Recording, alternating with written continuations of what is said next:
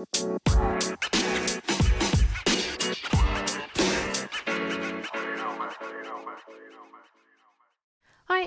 mijn naam is Janneke en welkom bij mijn Positief met Pubers podcast. De podcast waarin ik elke week vragen van ouders beantwoord over het opvoeden van pubers. Iets wat ik geweldig vind en waar ik gewoon heel blij van word.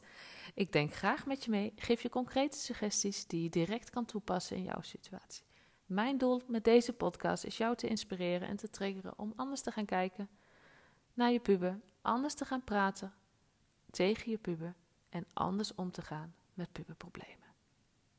Heb je zelf een keer een vraag of een suggestie? Ze zijn altijd welkom. Je kan me vinden op Instagram op Janneke underscore, je pubercoach, of stuur mij een mailtje via info.conductien.nl.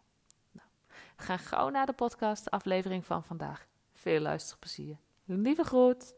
Hey, hey, hey, het is weer podcast tijd. Super tof dat jij weer afstemt op een nieuwe podcastaflevering van de Positief met Pubers podcast. Zeg, ik ben wel benieuwd wanneer uh, jij deze podcast luistert. Is dat s ochtends, middags, avonds, nachts? Want uh, ik zelf vind het altijd prettig om ochtendtijd als ik naar mijn werk en als ik terug ga naar huis om een podcast te luisteren. Maar ik ben wel benieuwd wanneer jij dat doet.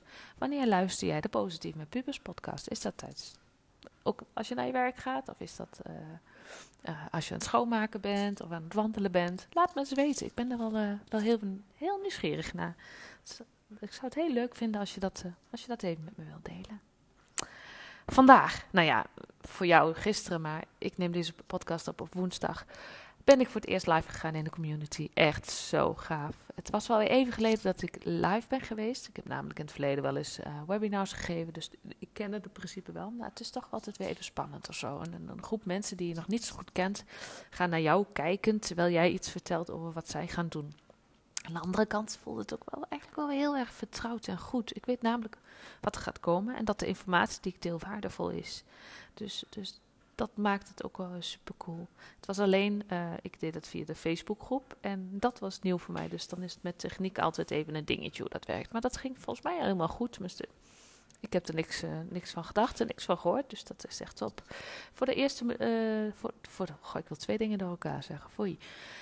De eerste module staat nu voor ze klaar en die staat in volledig in de, uh, in de teken van de introductie van, van de module. Dus uh, een uitleg over de wet van aantrekkingskracht is iets waar mijn training en alles wat ik doe eigenlijk op gebouwd is, waar ik echt in geloof. Maar als je deze podcast vaak luistert, weet je dat. En de focus op je goed voelen en waarom dat zo belangrijk. Nou, anyway, de kick-off is geweest. De ouders hebben nu toegang tot de eerste module en gaan voor het behalen van hun eigen doelen. Ja, dat is echt, echt, echt zo gaaf. Ik hou jullie gewoon op de hoogte over het proces en hoe het, met, uh, hoe het gaat met deze groep. Dat vind ik ook gewoon leuk om te doen. Wat ik nog meer wilde delen. Dank jullie wel voor jullie reacties op de podcast van afgelopen maandag. Meerdere ouders stuurden mij een berichtje dat ze herkennen wat ik beschreven heb en verteld heb. En dat ze ook hier weer wat aan hebben gehad. Weet je, dat is altijd fijn om te horen. Blijf dit ook vooral doen. Ik reageer op alle berichtjes en waardeer, waardeer het echt gewoon enorm als je mij vertelt waar je mee zit en wat een aflevering met je doet. Daar doe ik het namelijk voor, om jou verder te helpen, om inzichten te geven en te delen dat je niet alleen bent. Dat je niet alleen die zorgen hebt over je puber en dat elke ouder wel iets heeft waar die mee struggelt. En dat is ook oké. Het mag. Erken het, onderzoek het, geef het een plek door het en om het vervolgens te switchen in een, een, een positieve gedachte, meer een helpende gedachte, hoe je het ook wil noemen. Dit hoeft niet direct ubervrolijk te zijn of een high vibes of whatever. Maar zorg dat wanneer je ervaart dat je een niet helpende gedachte hebt of een negatieve gedachte hebt, dat je er een positievere gedachte uh, voor kan, in de plaats kan nemen die je kan geloven, die je kan aannemen. Stap voor stap verwacht niet het gelijk het andere uit. Dus maar elke keer een stapje. En ja, dat is gewoon het mooie. En Weet je, dat brengt me eigenlijk ook direct bij de vraag die ik vandaag met je wil bespreken. Want naar aanleiding van mijn podcast, van de laatste aflevering, ontving ik meerdere vragen en opmerkingen van ouders die zich herkenden in deze situatie, in de situatie van de podcast. Een van die voorbeeld uh, van de opmerking wil ik graag gebruiken in deze podcast. En dus ik ga eigenlijk een, een stapje verder op de podcast van maandag. Een moeder vertelde namelijk dat haar dochter in hetzelfde schuitje zat als, als de dochter, of de, de puber in de vorige aflevering. En ja, haar dochter zie je het eigenlijk ook totaal niet meer zitten om, om haar HAVO af te maken. Ze zit in de vierde, dus moet hierna nog één jaar. Maar het lijkt, geeft moeder aan, er niet gelukkiger op te worden. Weet je, haar dochter heeft al onderzocht wat de mogelijkheden zijn. En heeft een MBO-opleiding uh, gevonden die, die haar helemaal geweldig lijkt. En ze vroeg aan mij wat ze het beste kon doen. Wanneer haar dochter namelijk de overstap maakt, vertelde ze, heeft ze geen diploma. Mocht deze opleiding dan niets worden, dan heeft ze niks. En wanneer ze eerst haar HAVO afmaakt, heeft ze in ieder geval een diploma.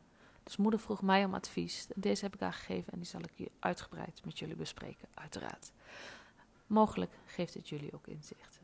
Nou, weet je, de situatie van die moederschets is een herkenbare. Ik heb in het verleden, maar nu eigenlijk ook nog steeds met leerlingen te maken die hetzelfde hebben.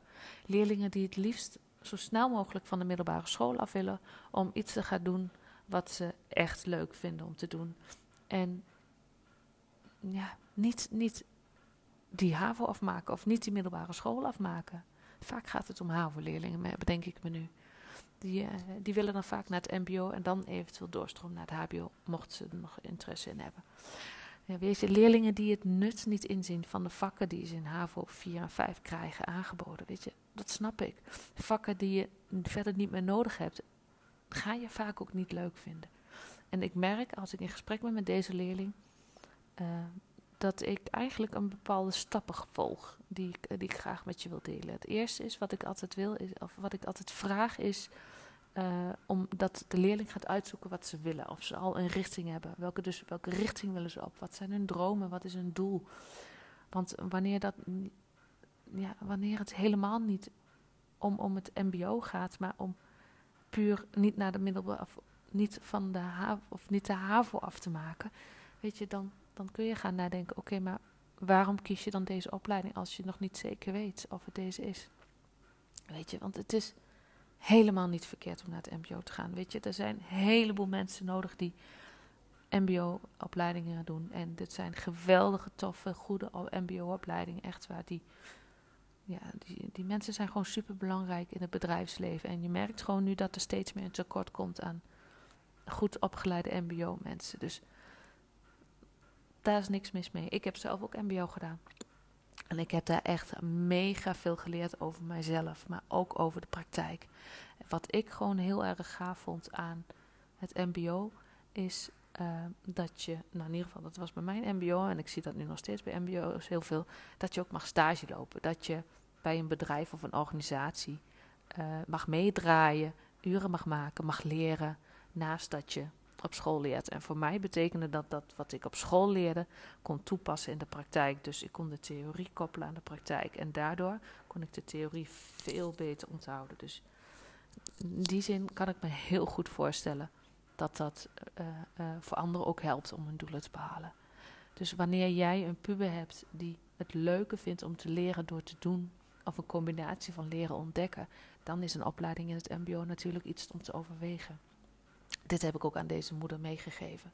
Er is geen goed of fout. Het maakt niet uit wat voor opleiding je puber gaat doen. Het gaat er toch om dat je puber iets doet waar hij of zij gelukkig van wordt. En dat het gaat leiden naar een hogere, grotere doel, wat dat doel dan ook is. Dus ja, het klopt dat je puber met een overgangsbewijs van HAVO 3 naar HAVO 4 geen startkwalificatie heeft. En ja, dat kan een risico zijn. Maar wanneer je je puber goed heeft onderzocht dat wat hij of zij wil doen, dan en, en er helemaal achter staat, dan zie ik daar absoluut geen probleem in. Dus gesprekken hierover zijn heel belangrijk. En ga ook, uh, als je zo'n puber hebt, ga ook dat gesprek aan met de school, met de decaan eventueel. Uh, en met mentor decaan, met, met een aantal mensen van school. Om te kijken, oké, wat zeggen zij, wat adviseren zij. En kijk of je puber mag meedraaien op de opleiding op, na, die, die in gedachten heeft. En, maar ook, ga ook kijken, oh, als hij nu toch in HAVO 4 zit, wat op HBO te bieden is. Als ze wel de HAVO afmaken. Want dan hebben ze een reden om die HAVO af te maken. Dus je kunt meerdere wegen naast elkaar laten lopen. En dat, dat is iets ja, wat je moet overwegen en waar je achter moet staan. Uiteindelijk moet je je beseffen, het is de keuze van je puber. En dat is hetgene waar jij vertrouwen op uh, moet uitzenden. Dat je, dat je puber daar een keuze in mag maken en zelf een keuze mag maken en dat jij mag steunen. Ja, tuurlijk, je mag kritisch zijn en ja, je mag vragen stellen. Maar uiteindelijk is het de keuze van je puber, want die zal de opleiding moeten doen, niet jij.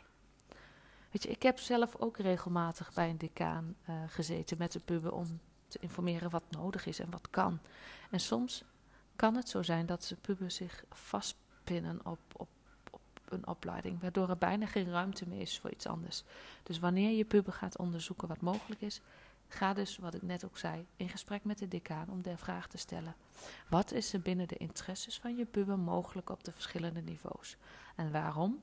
Zoals in deze situatie niet eerst MBO afmaken en dan naar het HBO.